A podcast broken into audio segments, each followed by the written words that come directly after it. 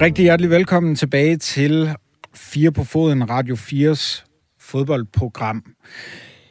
Den næste time, der sætter jeg fokus på den mest udsatte post i fodboldverden. For om ikke så forfærdeligt længe får vi svaret på, hvem der bliver årets træner 2021. 64 trænere fra 3. division til Superligaen og kvindernes to øverste divisioner har indsendt deres bud på, hvem der skal løbe med den prestigefyldte titel. Og i år er feltet særligt stærkt, hvis du spørger mig, og det gør du et eller andet sted, når du har tunet ind på fire på foden. De nominerede er Kasper Julemand, der styrede Danmarks landshold frem til semifinalen ved sidste års EM og sikrede en kvalifikation i overbevisende stil til VM i Katar senere i år. Så er der Bo Svensson, der redde Mainz fra nedrykning og nu spiller med i subtoppen af Bundesligaen. Vi har også Thomas Frank, der førte Brentford til oprykning i Premier League med et, ja, tør jeg godt sige, meget spinkelt budget. Og sidst, men ikke mindst, er der også en nominering til Niels Frederiksen i Brøndby, der trak sværet op af stenen og sikrede Vestegnsklubben deres første mesterskab siden 2005. Sammen med mit yderst kyndige panel, der dykker jeg ned i nomineringerne, kigger nærmere på træneruddannelsen i Danmark og prøver på at finde ud af, om det her er fire gode enkelttilfælde, eller om feltet her er et udtryk for en større kultur og tendens, når det kommer til danske trænere. Mit navn er Emil Bak rigtig hjertelig velkommen til Radio 4's fodboldprogram 4 på foden. Som sagt har jeg samlet et ganske kyndigt panel her i studiet og på en linje for Aalborg. Det vender jeg tilbage til lige om lidt. Først og fremmest, René Schrøder, velkommen til dig. Du er chefredaktør på Bold.dk, og det er jer, der sammen med DBU står for kåringen af årets træner. Har jeg ret i, at det er et særligt stærkt felt, der er nomineret i år? Vi får lige lidt øh, lyd Sådan. på dig, og så er det bedre. Ja. Hallo, mand. Den øh, præmis, den køber jeg. Altså, jeg synes jo, det er vanvittigt stærkt felt, og øh, det, det glæder mig jo ekstra meget, at Bold.dk er inde over sådan en kåring, når, når feltet er så stærkt. Altså, det, jeg siger, det er godt, det er, mig, der, det er ikke mig, der skal stemme, fordi det er virkelig et uhyggeligt stærkt felt. Det, øh, det, det er vi så enige om nu, og det bliver lidt øh, præmissen for øh, den næste øh, times tid. Tak fordi du er kommet, øh, René. Jeg skal også byde velkommen til øh, dig, Peter Rodbæk, som vi har med på en øh, linje fra Aalborg. Du var indtil efteråret 2020 træner træneruddannelseschef for DBU. En rolle, du havde i hele 15 år. Du har også været træner i 20 år i klubber som OB, AGF og Viborg.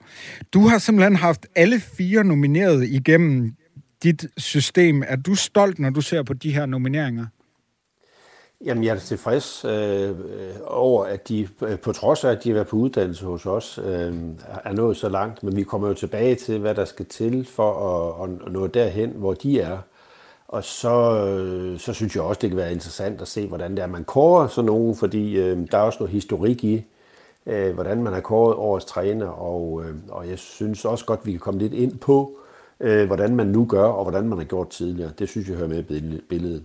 Og så vidt jeg lige kunne, øh, kunne se på en øh, hurtig øh, Google-søgning, jeg var ikke så gammel dengang, men, men du har vundet titlen to gange.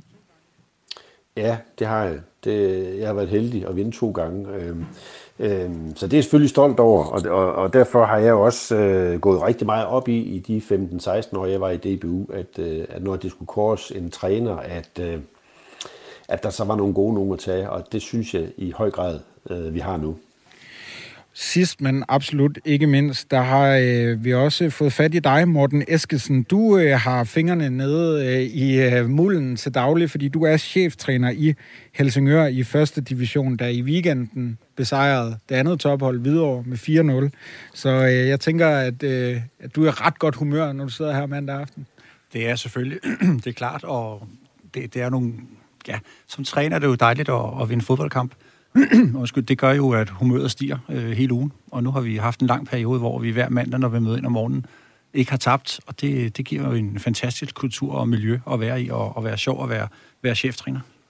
Og øh, altså, har jeg ret i, når jeg siger, at vi har gang i noget særligt godt her i Danmark, når det kommer til cheftrænerposten? Jamen, det har vi, og det kan vi også se på de nummeringer, og man kan også tage min gamle kollega Thomas Thomasberg i Randers, som også har præsteret over øh, niveau i forhold til forventninger og været ude i Europa og, og gøre det godt. Så vi, vi, kan noget, vi kan noget særligt i øjeblikket i, i dansk fodbold, og det er selvfølgelig også fordi, at de bliver godt uddannet, og efterhånden kommer der flere og flere danske trænere ud i udlandet, som kan klare sig. Øh, og det, som de gør godt, det er, at de øh, ikke er bange for at dele ud af den viden, de nogle gange har. Altså, at vi som kollegaer deler den viden, vi har, og ikke er bange for at øh, holde på alle hemmelighederne, eller hvad det man gør, men egentlig er åben omkring, hvad man er god til, og hvad man ikke er så god til. Og det, øh, det, det tror jeg er specielt dansk, at man på den måde ikke er, er bange for at give ud. Ah, men hold kæft, hvor, hvor lyder det godt. Det bliver et godt udgangspunkt for øh, den, øh, den næste time. Jeg glæder mig til at, at komme lidt bagom, hvad det er, vi gør så godt øh, her i Danmark, når det kommer til trænergærningen. Jeg tænker, vi starter øh, med at dykke ned i øh, feltet for årets træner. Jeg nævnte dem altså her før. Kasper Julemand, Bo Svensson, Niels Frederiksen og Thomas Frank.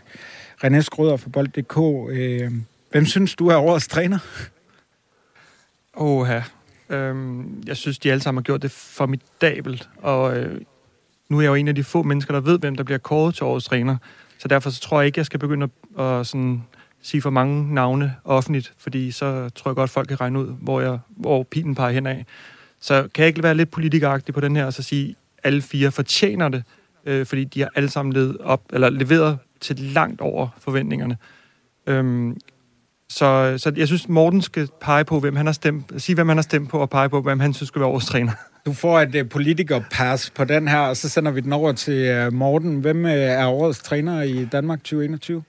Ja, jeg, det, ja, det er godt. Det er et godt spørgsmål, og jeg synes jo, at alle fire har gjort det godt på hver deres måde, og det har de jo virkelig. Altså, Bruce Svensson, som går ind og vinder en, en, en resultatmæssig øh, krise til noget rigtig godt øh, ved hans øh, personlighed, også øh, i forhold til den kultur, han vælger at, at tage ned og ændre fra, at det er, han har en stab omkring sig, som kun gør, øh, hvad træneren siger til lige pludselig at, at, at tage noget ansvar, altså ændre noget mentalitet dernede, og øh, ja, Thomas Frank har i over en lang periode gjort det rigtig godt, og det at misse en oprykning til Premier League, og så tage den året efter, viser også noget kontinuerlighed. Øh, Niels Frederiksen har jo overrasket alt og alle ved hans øh, stabilitet også, og den måde, han også bare agerer i, at, at klubben vælger at sælge nogle af profilerne, og alligevel bare øh, blive dansk mester.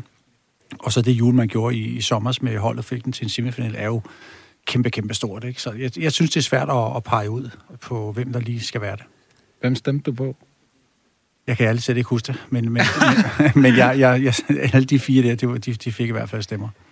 Peter Rudbæk øh, op i øh, Aalborg. Hvem, øh, hvem vil du pege på? Øh, jeg vil ikke pege på nogen, og det sjove, er egentlig, det sjove er egentlig, at mens jeg var træner selv, øh, da, da, da, når jeg havde en fornemmelse af, at jeg kunne være i feltet, så stemte jeg ikke. Øh, og når jeg, da jeg stod for afstemningen selv, der stemte jeg heller ikke, for det skulle ikke være min stemme, der var afgørende. Øh, Øh, jeg, jeg synes godt, jeg vil sparke ind, at historisk set er der lavet om på måden, man, man gør det på. Øhm, helt tilbage i 92, der kan I huske, vi vandt noget der, der tror jeg, det var sådan, øhm, at, øh, at trænerne, øh, det var ikke så stort et felt, de skulle sende ind, hvem de synes. Og øh, der skete der rent faktisk det, at man havde glemt, at der havde været EM året før. Og man har glemt, at Rikard Møller havde vundet det som træner. Så det blev ikke ham det år. Øh, og det synes jeg er en katastrofe. Øh, jeg lavede det om, mens jeg var i DBU og sagde, at i første omgang, så skal I øh, sende ind, hvem I synes, der kunne være emner, og så tager vi dem, der har fået flest, de fire, der har fået flest, og så er det dem, man begynder at stemme på. Og grunden til det, det var, at der var rent faktisk nogen, der havde glemt, at der var nogen, der havde gjort det godt. Det, jeg synes, der har ændret sig, og det er jeg glad for, det er, at det nu er det, det, mere eller mindre fire mand med, med international snit, kan man sige. Det, det er jeg rigtig, rigtig glad for. Øhm, og der er også nogen for det her, uden for det her felt, der er gode, men man skal se på, hvem der er, der, der stemmer, og øh, hvordan det, det er bragt i spil. De er alle sammen, alle fire gode, og det er fire dygtige trænere på vej mod deres bedste alder. På vej mod deres bedste alder. Så jeg synes, det lover godt for dansk fodbold. Men Peter, så bliver jeg lidt øh, nysgerrig på, øh, hvem, hvem kunne man ellers have taget med? Du siger, der, der er flere andre bud. Jamen, øh, nu skal man ikke gøre det for nørde, fordi det, det, det, det skal... Jo, lad os da bare nørde lidt. Nej, for jeg, jeg synes, man, man, altså hvad er kriteriet? Altså, jeg, jeg lyttede på, hvad du sagde, da det blev introduceret. Er det, er det godt at undgå nedrykning? Er det godt at blive nummer fire? Øh, er det kun godt at blive mestre, eller hvad? Alt er jo relativt, og en, og en dygtig trænerpræstation kan jo netop være, at man redder et hold fra nedrykning. Jeg tror faktisk en gang, der har været en, der, øh, han lever der heldigvis nu, Ove Christensen, der redde helt mirakuløst redde Randers fra nedrykning. Det var da en stor del af årsagen til, at han blev årets træner. Mm. Så, så det er jo ikke noget med at vinde hver gang. Det er jo noget med at sige, hvad er situationen for det hold? Øh, hvad er det for et spillemateriale, der er? Øh, og i forhold til det, hvor god er trænerpræstationen så?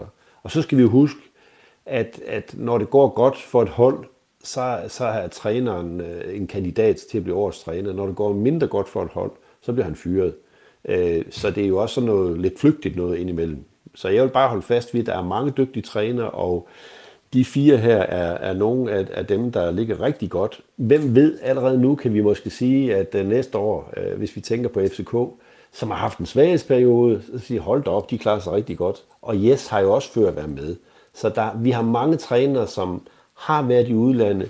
Øh, nogle kommer hjem igen, så der, der, det er dejligt, at, at, at der, man kan bare sådan med fingerknips kan finde fire, vi synes, der er gode. Og Peter, som jeg nævnte i, i introen, så har du haft øh, de her trænere igennem øh, DBU-træneruddannelsen, og det er jo, som du også siger, nogle, nogle trænere, der har deres bedste tid foran dem, og er jo sådan er lige altså lidt samme generation, hvis man, øh, hvis man lige laver et par øh, tilsnigelser. Øh, har de her fire trænere nogle fællestræk, sådan som du ser det? Ja, du har ret i, der er noget, der er noget øh, mere eller mindre i hvert fald noget aldersmæssigt. De, de, øh, og er derfor, jeg siger lidt mere smil på læben. De er på vej mod deres bedste alder. Men, men de har faktisk alle sammen været trænere i relativt lang tid. Øh, så de har prøvet noget. De har mange, de har mange kampe som trænere. Øhm, jeg synes også, de, øh, de har været klar til at tage chancen, når den kom. Øh, det er også det er sådan noget, jeg har prædiket en del på træneruddannelse, at øh, at vi havde ikke så mange trænere i udlandet, og der, og der skal vi jo være klar til at, at gribe chancen, når den kommer. Og det tror jeg har været lettere for dem, der er 50 nu, end dem, der, er, der var 50 for 20 år siden. Øh, og de er også meget aktive selv med netværk og, og så videre for at komme afsted. Øh, jeg plejer at sige, at hvis man vil have et glas mælk, så hjælper det sjældent, at man sætter sig på en skammel og venter på, at der kommer en ko forbi. Altså, man skal være der. Øh, og det har også givet dem nogle skrammer ind imellem. Det skal vi også huske. Men Øh, de er alle sammen kompetente, de er alle sammen øh, dygtige kommunikatorer, øh, lidt forskellige selvfølgelig, men øh, og så tror jeg faktisk i bund og grund, de alle fire føler sig bedst tilpas med at være cheftræner. Morten øh, Eskesen, cheftræner i øh, Helsingør. Er der nogle af de her trænere, du kigger imod og lader dig inspirere af? Ja, det gør jeg faktisk alle sammen. Jeg bliver ofte inspireret af, af rigtig mange forskellige øh, personer, og Øhm, ja, både Thomas Frank, Kasper Julemand og Niels Frederiksen har vi haft inden omkring det, det seneste pro-licenshold og, og fortælle omkring deres øh, trænergærne, deres måde at være leder på og være træner på. Og der fandt jeg det inspiration i, hos alle tre øh, rigtig, rigtig meget. Og det, at de øh, alle sammen øh, har en, en, en oplevelse af, at de egentlig bare skal være sig selv. Det er det allervigtigste. Det der med at holde fast i sig selv og være åben og ærlig omkring øh, den person, man nogle gange er. Både når, når der er medvind og modvind øh, på banen. Så jeg finder stor inspiration hos, hos alle sammen, og, og Bo Svensson øh, tog jeg selv pro-licens sammen med, og vi var 21 på det hold, og ham og Mike Tulberg havde nogle gange i nogle diskussioner helt andre holdninger end os andre 19 øh, danske øh, trænere. Så, så der så han i hvert fald nogle ting, man kan anderledes end, end, end jeg gjorde, og det fandt jeg også inspiration i. Så jeg blev inspireret af rigtig mange mennesker, og også de fire.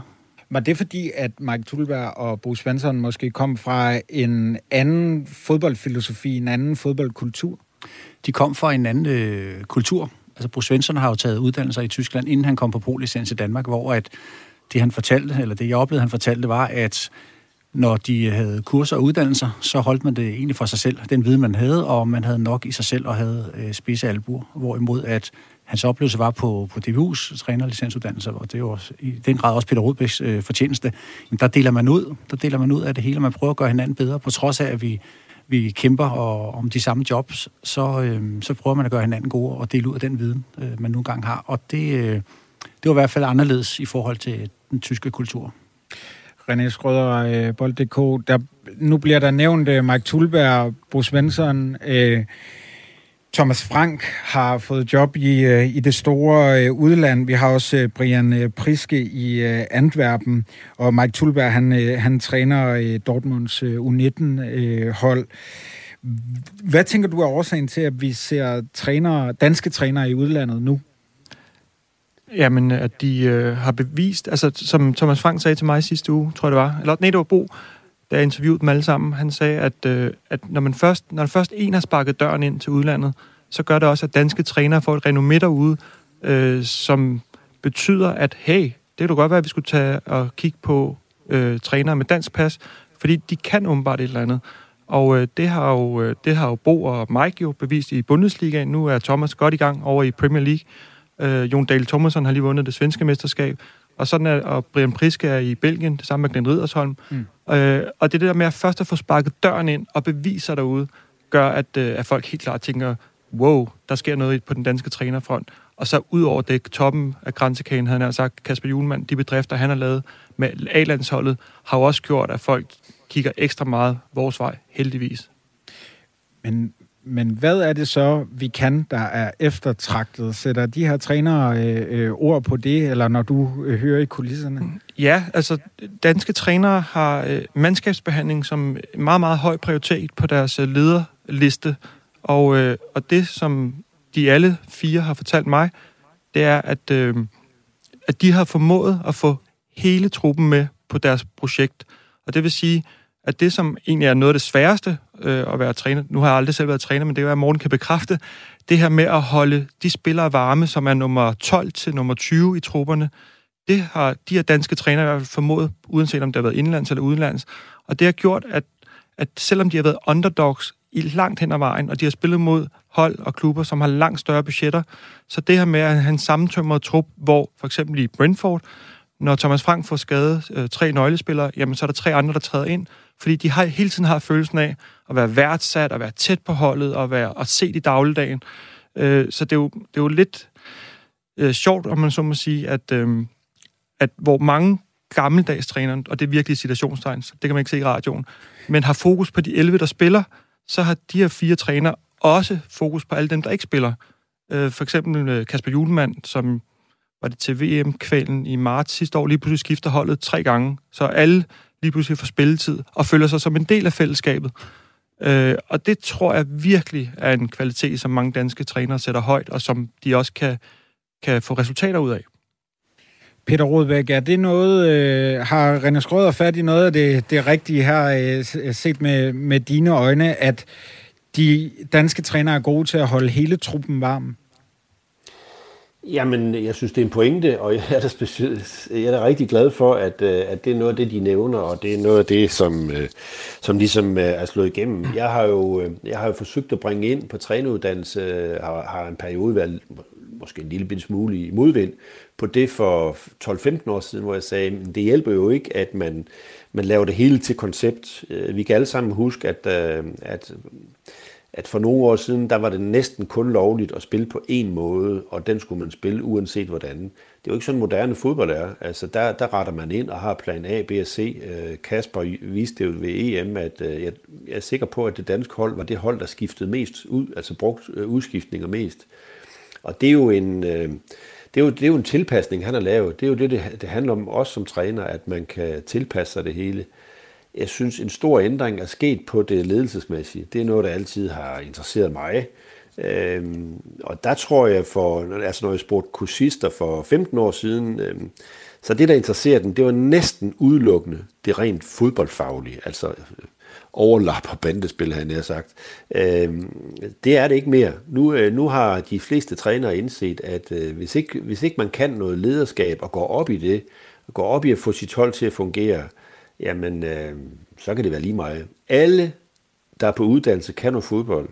Øh, om ikke på samme niveau, så de kan i hvert fald alle sammen uden at, uden at falde igennem. Det, der er den store forskel, det er, hvordan de har evnen til at lede. Øh, øh, så, og det er de gode til, alle fire på hver sin måde.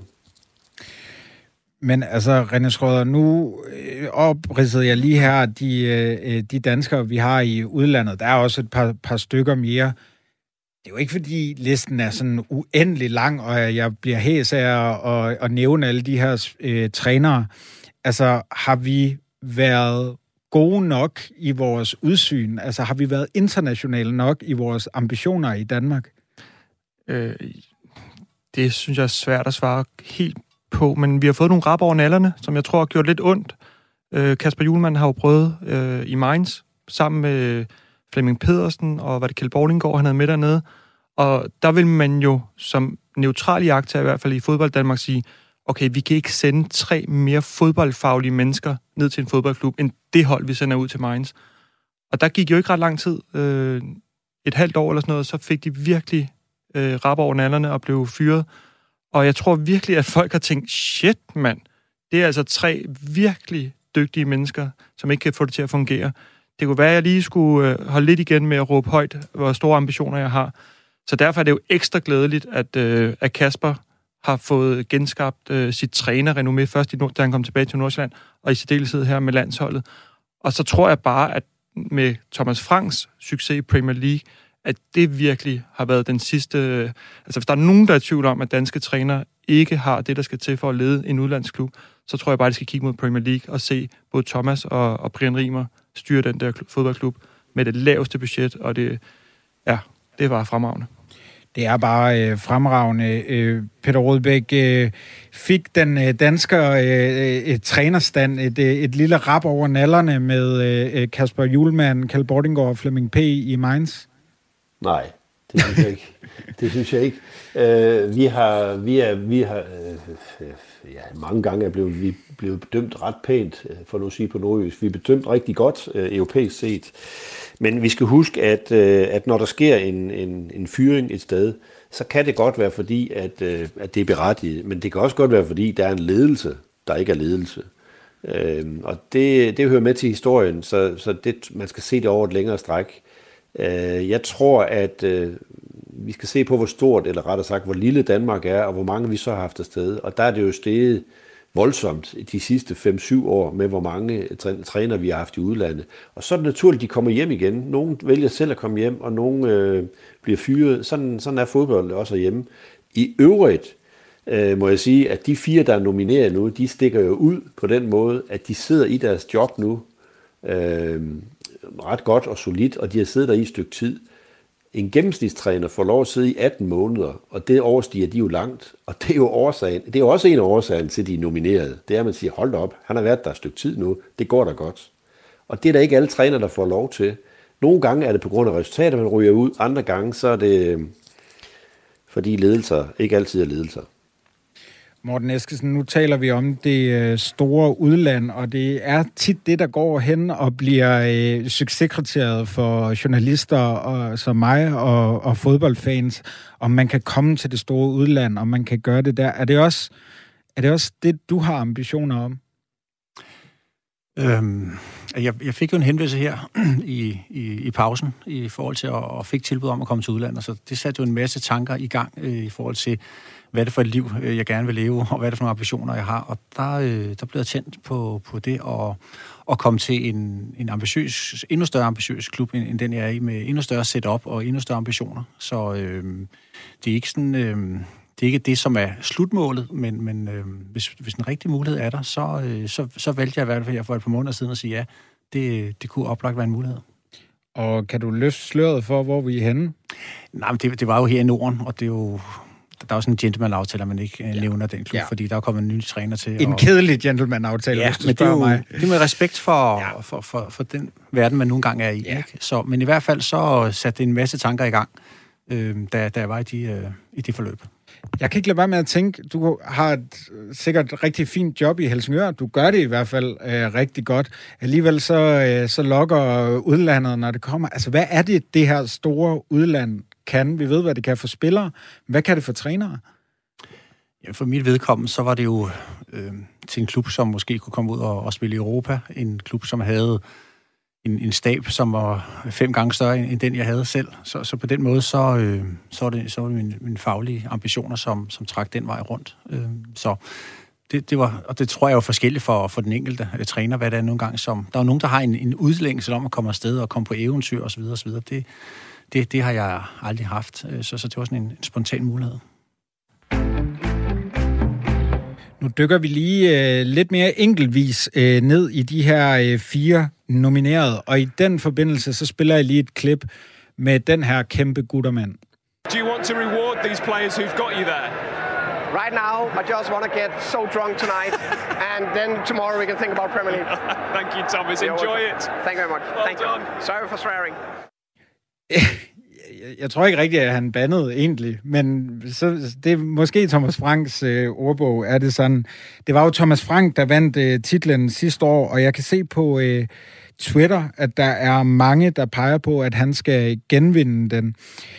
Peter Rodbæk, øh, sådan rent øh, fodboldfagligt, er det så ikke øh, Thomas Frank, der har gang i den mest imponerende bedrift i Brentford? Igen, det er svært og, eller umuligt at, at sammenligne, men jeg kender Thomas øh, rigtig godt. Øhm, han var jo, han var, jeg var med til at hente ham ind til DBU, øh, da han blev U17-landstræner der. Øhm, han, har, han har i al den tid, jeg har kendt ham, været meget, meget dygtig rent fodboldfaglig. Øhm, og, har, og er specielt dygtig til også øhm, at efterleve det, der hedder adapt or die. Det vil sige, hvis ikke du kan tilpasse dig forholdene, øh, så går det ikke. Man er, man er nødt til at indrette sig lidt øh, på ting, øh, og det, det er Thomas rigtig god til. Han er fantastisk dygtig til øh, mennesker, altså lytte til spillere, øh, god til at tale med ledere, og han er også god til at tale med presse. Så han har, han har rigtig mange af de øh, forudsætninger, der skal til for at lykkes. Og så har han en personlighed. Han har en vindende personlighed. Altså, øh, alle føler sig godt tilpas i Thomas' selskab. Og det betyder også noget, både for en spiller og for en træner. Og altså, alle vil gerne accepteres, ses, øh, høres, anerkendes. Og det er han virkelig, virkelig god til at gøre. Øhm, og, og jeg tror ikke, der findes mange klubber, hvor han ikke vil kunne øh, fungere. Det vil jeg sige, han, er, øh, han gjorde det jo godt i Brøndby også, øh, men, men kommer han tilbage til Brøndby, så vil han gøre det anderledes nu, end han gjorde dengang. Øh, Tom, øh, hvad hedder Kasper, vil gøre det anderledes nu, end han gjorde, inden han tog til, til Tyskland. Og det er jo et tegn på, at, øh, at de er villige til at lære hele tiden og sige, hov, der lærte jeg det, det skal jeg huske næste gang. Eller det er nok sådan, verden drejer lige nu. Øhm, og, og uden den evne, så bliver man jo rigid, og det er der ikke, øh, så vidt jeg ved, nogle af de fire her, der er.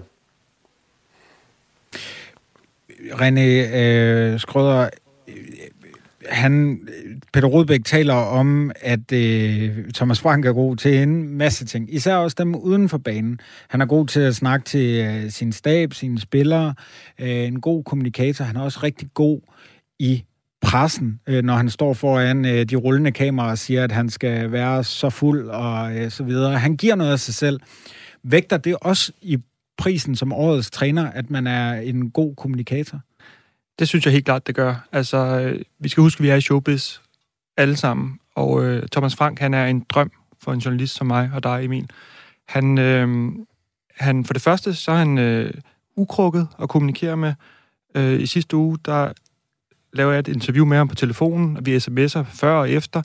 Altså, det er en Premier League-træner, som afsætter, jeg ved ikke hvor meget tid, fordi han gerne vil give noget af sig selv, og han svarer på alle spørgsmål, og han svarer ærligt, og han svarer øh, uddybende, og han svarer, sjovt, fortæller om, øh, han øh, var i byen til klokken 6 om morgenen, øh, efter oprykningsfesten, øh, hvilket jeg synes er befriende, for jeg spørger ham... Og imponerende. Øh, Også imponerende, og jeg spørger bare, jamen Thomas, hvorfor fanden, altså hvordan kunne du holde ud? Altså vi andre, vi var gået kolde for længst. Jamen det er fordi, at øh, alle ville snakke med ham, så han glemte sin øl, øh, hver eneste gang han skulle rundt og snakke med en ny.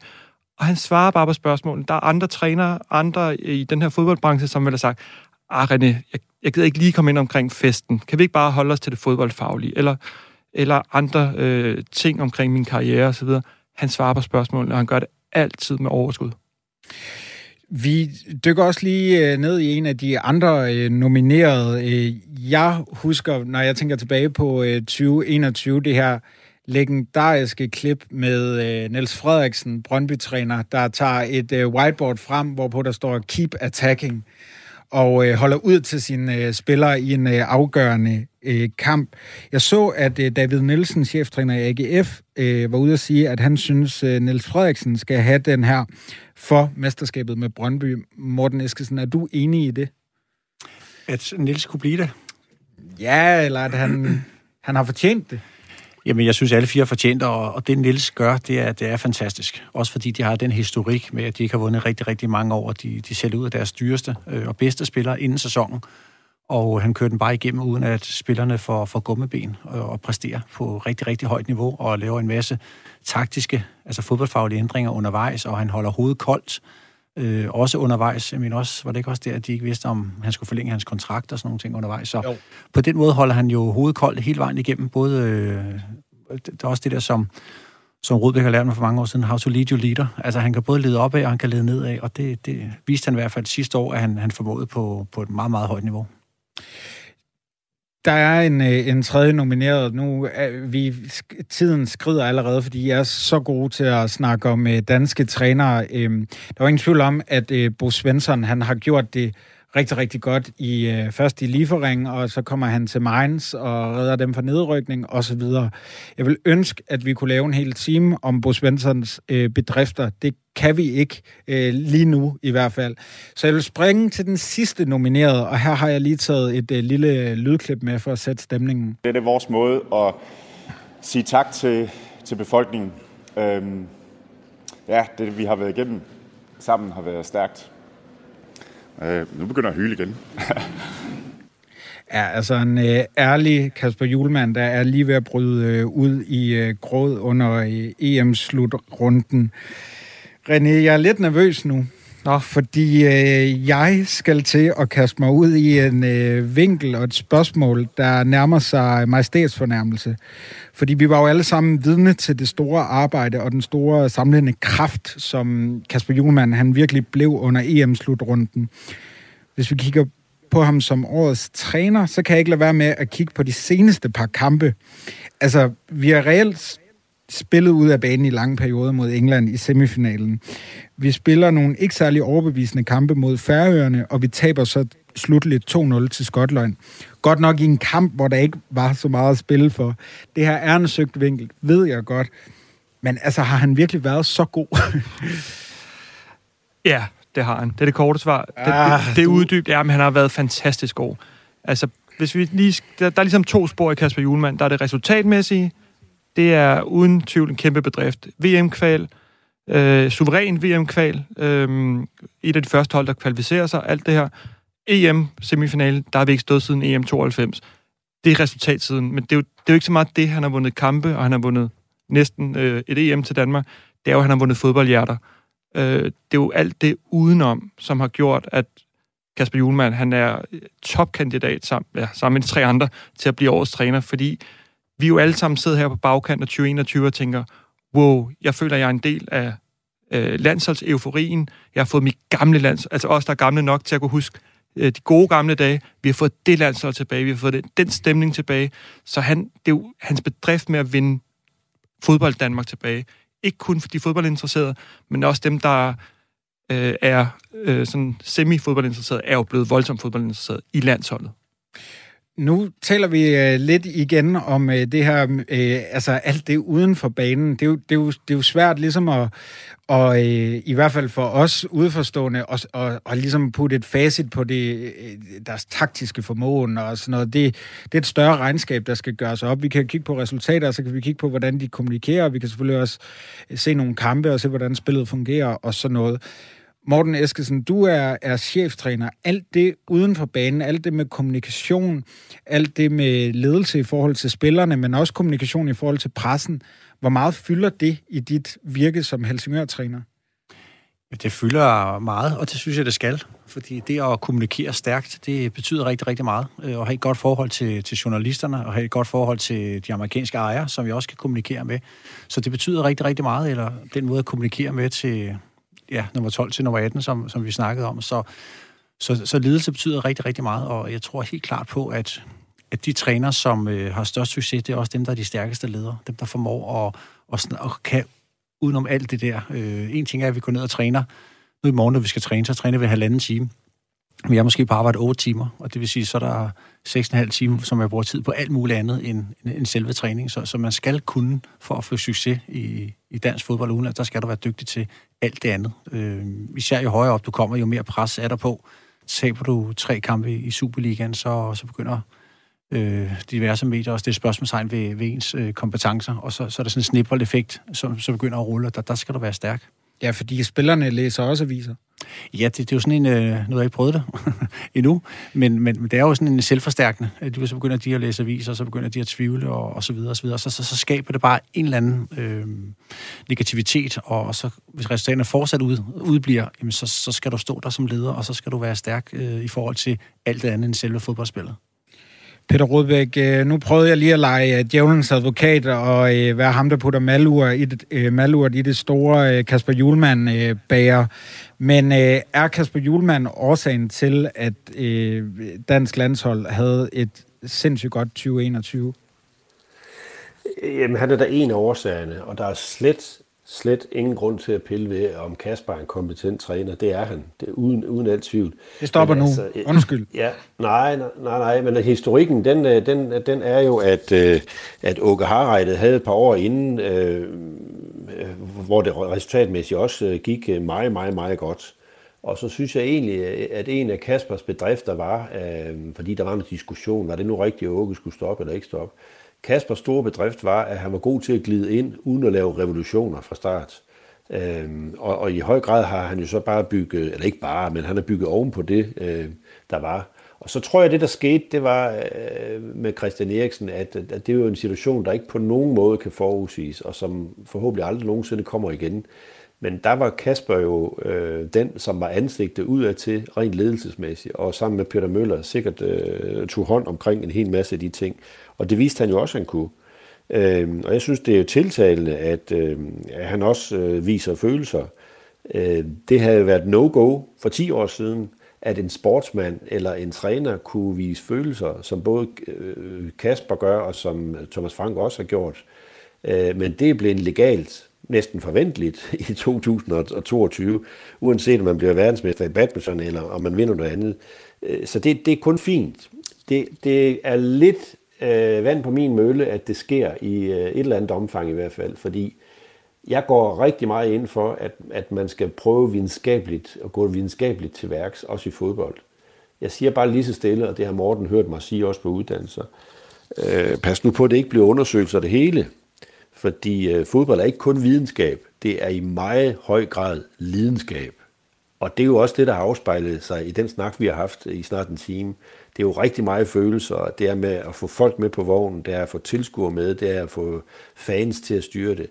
Og der er Kasper en helt fantastisk god kommunikator til at få helt præcis det ud, det handler om for det danske landshold.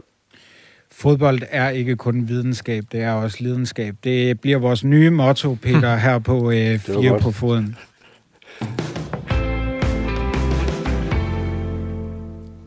Du, kære lytter, lytter til Fire på Foden, Radio 4's fodboldprogram om, ja, trænere i den her time. Jeg har et øh, ganske kyndigt og meget snakkeløsent øh, panel. Det er rigtig dejligt inde, bestående af René Skrøder, øh, chefredaktør for Bold.dk, der står for uddelingen af årets træner sammen med DBU. Jeg har Morten Eskesen, der er cheftræner i Helsingør, der lige nu topper Nordic Bet Ligaen. Og så har jeg Peter Rodbæk, der var øh, chef for træneruddannelsen i DBU i 15 år. Nu, øh, nu skal vi øh, dykke, øh, altså det, tiden skrider jo, og sådan er det, men vi skal bag om øh, trænergærningen i Danmark, og øh, blandt andet kigge lidt på, hvordan den her uddannelse så er bygget op. Peter, du sad som øh, træneruddannelseschef i øh, 15 år, da du blev ansat. Hvordan var træneruddannelsen så bygget op i Danmark?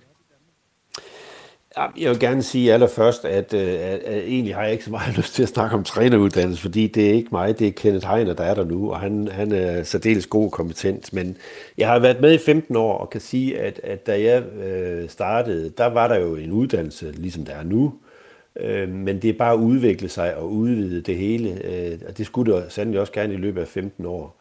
Så det er lige før man kan sige, at, øh, at det, der, der var, da jeg startede øh, på pro-niveau, øh, det, det er det, der er på A, altså næstøverste niveau nu. Så er der sket det, at, øh, at vi, eller jeg, med dem, der var rigtig gode medarbejdere på DBU, egentlig har bygget oven på det, der var før. Dansk fodbold har altid haft god træneruddannelse og har været med fra start i UEFA's coaching convention. Så vi har gode traditioner for at uddanne trænere, og, og dansk træner har altid gerne ville uddanne sig. Men, men det, øh, det er klart, at øh, omfanget er blevet mere, og i løbet af de 15 år har vi, har vi jeg var der, har vi uddannet rigtig mange pro-trænere, øh, vi har lavet rigtig mange A-trænere på næste højeste niveau, og lige hele vejen ned. Og det, det har jeg også nogle gange fået kritik for, er det ikke for mange, vi uddanner. Og der har jeg egentlig bare haft det synspunkt, at, at når trænere gerne vil afsted på uddannelse, øh, og klubberne gerne vil sende dem afsted, så, så skal vi gøre det. Vi har egentlig ikke noget valg som lille land til ikke at være veluddannet, øh, være dygtige og, og give hinanden viden, ikke mindst. Øhm, og, og på den måde måske blive lidt hurtigere, lidt smartere og lidt, lidt bedre til at navigere, end de andre er. Så, så det, det, det har været mit ønske. Og så under det hele, det er faktisk det, den her udsendelse handler om, øh, har jeg gerne vil, at vi skulle have flere øh, trænere afsted til udlandet, for at de kunne få noget med tilbage og give tilbage til dansk fodbold. Og det er det, du oplever, de gør nu? Ja, det synes jeg. Det synes jeg. Morten, øh, du har jo også øh, været på øh, de her træneruddannelser. Du har så klart været leder af det, der hedder UEFA's pro-licens, og også selv taget den. Hvad er det for et system, man kommer ind i som træner på de her træneruddannelser? Jamen, øh, altså Peter Rudbæk har jo en, en kæmpe øh, andel i, det går så godt så mange danske træner, fordi han har jo alt andet lige været leder for den afdeling i 15 år, og også været min øh, direkte leder i, i 15 år. Kan du tåle så meget ros, Peter? Uh, jeg anstrenger mig. Det går lige. Bare fortsæt. Nej, så, så hvad hedder det... Um, så, så det Rudbæk har været med til, og som han har sagt rigtig mange gange, jeg, jeg kan jo, meget af det, som kommer ud af min mund, det er jo også noget, som jeg har hørt Peter Rudbæk sige mange gange. Men, men han, han har en, øh, en sætning, hvor han siger, jamen, øh, du kommer ind på DBU's trænuddannelse, og så lærer vi dig at bage en lavkage. Og øh, det vil sige, at du får en masse værktøjer, du får en masse redskaber, du får en masse inspiration, og så når du er færdig med DPU's trænuddannelse, så kan du egentlig selv øh, lave din egen lavkage. Altså du kan gøre det, som du selv vil. Det synes jeg passer meget godt ind, fordi der er rigtig, rigtig meget, øh, mange redskaber, og der er mange metoder, og der er rigtig meget inspiration, både for ja, træner på højeste niveau, som jeg har sagt tidligere, at man er ikke bange for at, at give ud af, det, man kan, og så rigtig meget inspiration fra udenlandske trænere, både danske og og internationale trænere. Det vil sige, du går derfra, når du har været igennem det hele med et, et kæmpe netværk og en kæmpe øh, inspiration, og du finder ud af, som træner, når du har taget den højeste træneruddannelse, pro-licens, så finder du ud af, efter de par år, øh, hvad er det, jeg er øh, rigtig, rigtig stærk til, og hvad er det, jeg måske skulle have nogle folk omkring mig til, i forhold til at få den bedste udgave af mig. Og man finder ud af, om man er cheftræner, eller man er assistenttræner, eller man er analytiker, eller hvad man nogle gange er. Så der er også rigtig meget personlig udvikling i uddannelsen, og det er jo også noget, som, som Rudbæk har, har stået for, det der med at få øh, rigtig meget ledelse ind, øh, som starter lige fra den første trænuddannelse, et, et modul, der hedder Kend dig selv, hvor man går ind og snakker om styrker og svagheder omkring sig selv. Så der er rigtig meget personlig udvikling som menneske, også i at være på DBU's trænuddannelser. Jeg havde oldtidskundskab i øh, gymnasiet. Jeg øh, havde det et helt år, fik et, altså læste Odysseen, forstod ikke et hak, fik et 12-tal, som jeg, øh, fordi jeg stjal nogle noter, og så, øh, så, så gik det ligesom, øh, så skulle jeg bare lide det af. Jeg bruger ikke oldtidskundskab til daglig, øh, men det gav mig en studenterhue. Bruger du træneruddannelsen i dit daglige virke i Helsingør? Ja, det gør jeg i den grad. Øh, jeg bruger rigtig, rigtig meget. Både øh, forskellige metoder, men også min, min ledelsestil. Jeg er blevet rigtig klog på mig selv øh, gennem de her mange år, jeg har taget træneruddannelsen, så er jeg blevet klog på mig selv, og det vil sige, at jeg kender mine svagheder, jeg ved lige præcis, hvad det ikke er så dygtig til, og hvor jeg kan udvikle mig, eller hvor jeg ikke øh, vælger at bruge energien på at udvikle mig, fordi jeg tror, der er nogen, der er dygtigere end mig til det. Øh, og så ved jeg hvad, jeg, hvad jeg er rigtig stærk til, og hvor jeg kan påvirke rigtig mange mennesker. Så, så det, det gør jeg i den grad. René Skrøder, øh, har vi Altså nu, nu bliver det en, en stor roseklub, og, vi, og, det, og det er helt fint, ja. fordi det, det er fire stærke øh, nominerede, og, og der er noget i gære i, i trænergærningen i, i Danmark, noget som Peter Rodbæk har startet, og Kenneth Heine fyrer videre, og så videre. Men har vi været for langsomme til at accelerere den her udvikling i Danmark? Altså, Hvorfor er det først nu, vi ser de her udenlands, altså træner i udenlandske klubber pible frem? Altså hvis, hvis vi kigger på tidligere vinder, eksempelvis af årets træner, så har vi Thomas Frank sidste år, men ellers så har det jo været Åke Harreide, Ståle Solbakken, som også har vundet den flere gange. Er, er det for sent, at den her udvikling hos de danske trænere kommer? Først vil jeg sige, at der er ikke nogen, der endnu har ros mig Altså, Eskelsen er blevet rost, Rodbæk og alle fire trænere, så det, det, det glæder mig til det punktum, du sætter øh, senere, Morten. Ja, men det bliver... Øh, for jeg har planlagt en ro, så Sådan. det stort. Ja, så vil jeg fortsætte min tale. Ej, jeg tror, at... Øhm, som jeg sagde før, så skal der ligesom være nogen, der sparker døren ind rundt omkring. Og, øh, og det, hvis vi starter med Bundesligaen, så ja, de fik nogle skrammer, øh, Kasper og company. Men, men øh, Bo Svensson har jo lavet et stort stykke arbejde i Mainz, og, og senest i den lidt mere perifære klub. Men, men det har jo gjort, at der er en stor Bundesliga, også fordi han har en Mainz-fortid, som har tænkt, ved du hvad, vi tager ham der. Og de tog ham jo ikke bare, nu har vi ikke været omkring Bos indsats så meget, så det gør jeg nu. Fint. De tog ham jo øh, på en lang kontrakt. Bo har en rigtig lang kontrakt, og i modsætning til øh, det galehus, vil jeg næsten kalde det, han kom ind til, fordi han var en træner nummer 3 eller 4 i den sæson, altså sidste sæson, så har, så har de givet ham øh, tryghed og tillid, og, øh, og det er jo også noget af det, som tror jeg, specielt danske trænere også har brug for.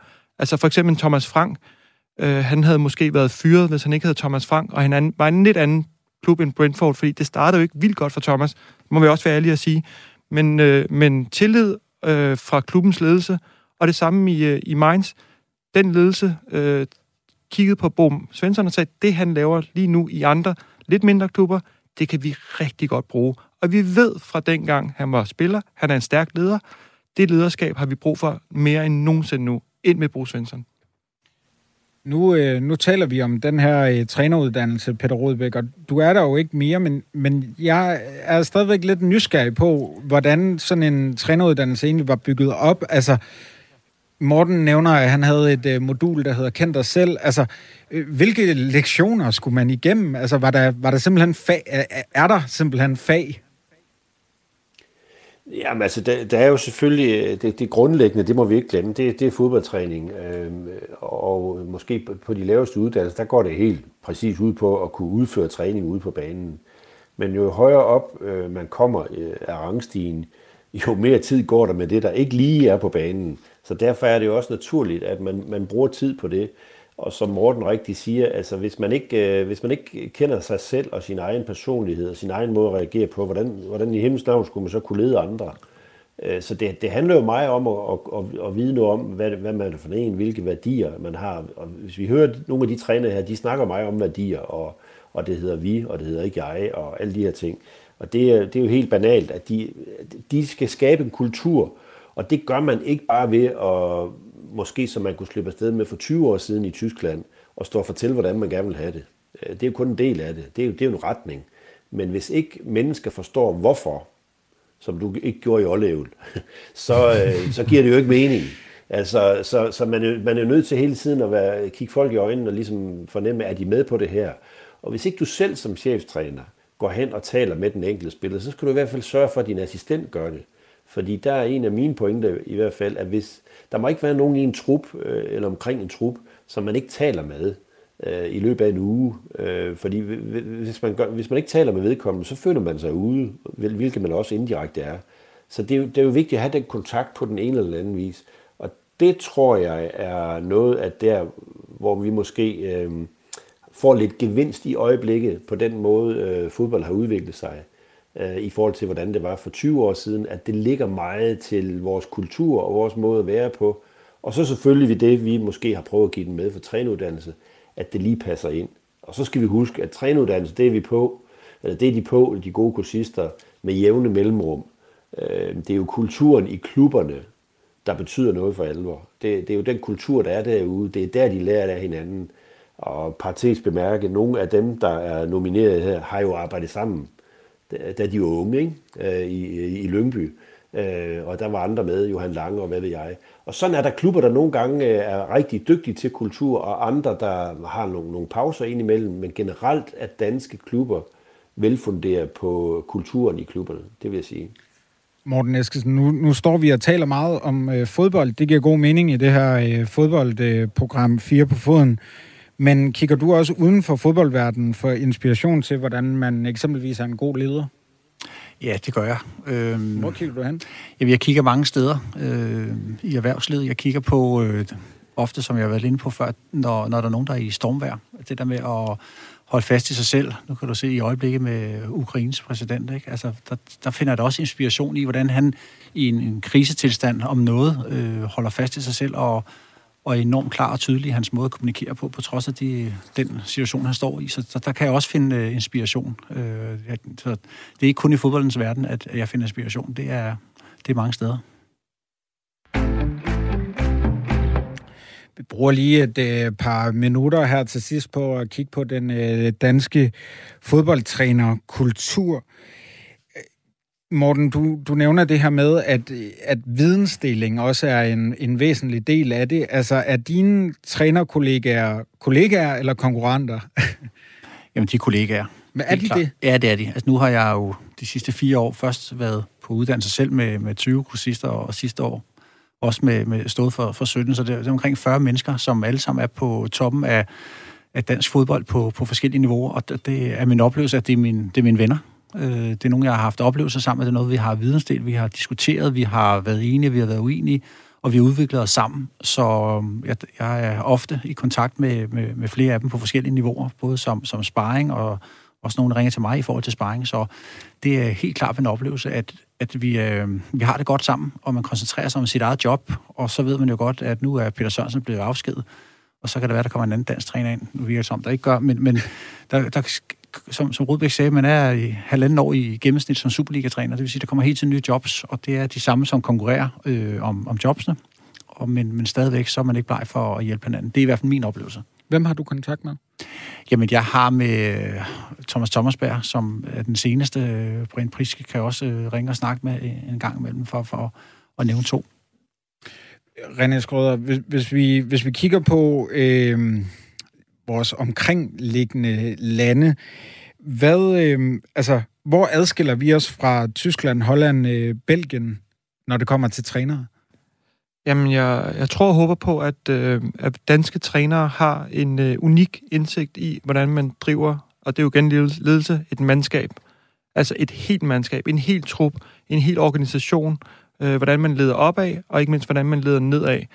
Øh, Kasper Juhlmann, han gav jo som eksempel til mig, i forhold til, hvordan han også ledte sin trup, at han har en præsentation, øh, som han viser sine spillere, når han møder ind, når, når de har været væk øh, og samles igen, og herunder den her præsentation, PowerPoint, går ud fra, der er der et billede af Josef Poulsen, der krammer øh, Andreas Gård Olsen efter en kamp nede i Østrig, tror jeg det er, hvor at øh, Josef Poulsen bliver skiftet ud. Der står 0-0 i starten af anden halvleg. Josef er selvfølgelig øh, skuffet, men hans øh, konkurrent slash kollega, øh, Andreas Gård Olsen, går ind, scorer to mål, de vinder 4-0.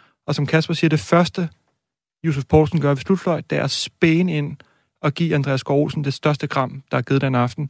Og det er jo vigtigt for ham at signalere både øh, for, ja, for, ja, for hele sit hold og nye spillere, tidligere spillere, folk, der har været i gamet i lang tid. Det er sådan her, det danske landshold gerne vil have som udtryk. Det er det fællesskab, vi gerne vil vise. Og kan man få alle, alle spillere i en trup, og det kan man ikke, fordi det er trods alt de 11 øh, starten, der er de mest glade, men kan man få alle med på den her rejse, så kan man nå rigtig langt. Og der tror jeg, at danske træner virkelig også har hjulpet hinanden til, at det er den her ledelsestil, som virkelig vinder indpas for tiden. Morten, kan du genkende det her, René Schrøder og, og tidligere Peter Rødbæk øh, siger, at man, altså, det handler om at komme hele vejen rundt, og man skal snakke med alle i løbet af en uge? Ja, men det er jo det allervigtigste, det er, at alle øh, føler sig. Altså, der er jo lavet masser af undersøgelser, der viser, at øh, hvis folk de øh, føler sig som en, en del af noget, og de føler sig hørt, og de føler, at de øh, bliver dygtigere, så, øh, så er det helt klart en, en vej til succes. Og for min eget vedkommende, så har vi spillet tre kampe her i foråret, og Øh, I den første kamp stiller vi med et hold, og i, i lørdags, jamen, der har vi min anfører ude, min viseanfører ude, og Jakob Schob som en profil vil hente. Det vil sige, tre af nøglespillerne er ude til vores kamp i, i lørdags, og så er der jo så tre reserver, som går ind og, og spiller fantastisk, øh, og tre andre, som er på bænken, øh, og laver en rigtig god præstation. Og det er fordi, at de har en oplevelse af, at de, øh, de bliver hørt, og de bliver set, og de er vigtige for truppen, og en del af noget. Så øh, det, det er vejen til succes. Men det lyder også altså, tidskrævende. Det er det også. Det er det også. Det, det er og man skal vel være der i, i hver eneste samtale, fordi at det betyder måske egentlig mere for spilleren, end det gør for dig. Altså, det var derfor, man har en stab. Ja. Altså, min, min assistenttræner, han har jo øh, fem gange flere samtaler, end jeg har. Mm. Øh, og det er jo small talk. Og det kan jo også være at gå fra omklædningsrummet og gå ud på banen. Det kan jo også godt være en samtale. Det behøver ikke at være formelt, hvor du bliver hævet ind på kontoret, og du skal sidde og snakke over for chefen. Det kan jo være ude på banen også, før, under, efter træning, at man har de her small talks, så man finder ud af, øh, hvor er spilleren henne. Ikke? Så. Ver- verdens hurtigste krølle, inden tiden er gået. Jeg tror, at øh, Thomas Frank og Brian Riemer, de bruger mere tid på Mathias Jensen i de her dage, end de bruger på Christian Eriksen. Og skulle fortælle ham, at han stadig er vigtig, selvom Christian er kommet, og der er plads til dem begge to, og der er masser af spilletid forud. Den opgave tror jeg, de er i gang med lige nu. Så vil jeg gerne rose dig. Det var en vidunderlig krølle på halen, det der René Skrøder, chefredaktør yes. på Bold.dk. Tusind tak, fordi du var med. Det bliver spændende at se, hvem der løber med titlen som årets træner. Også tak til dig, Morten Eskesen, cheftræner i Helsingør, og Peter Rodbæk, tidligere øh, chef for træneruddannelsen. Tusind tak, fordi I var med i den her time. Det var alt for fire på foden den her gang. I regien, der sad Mads Skåning, og øh, vi lyttes ved.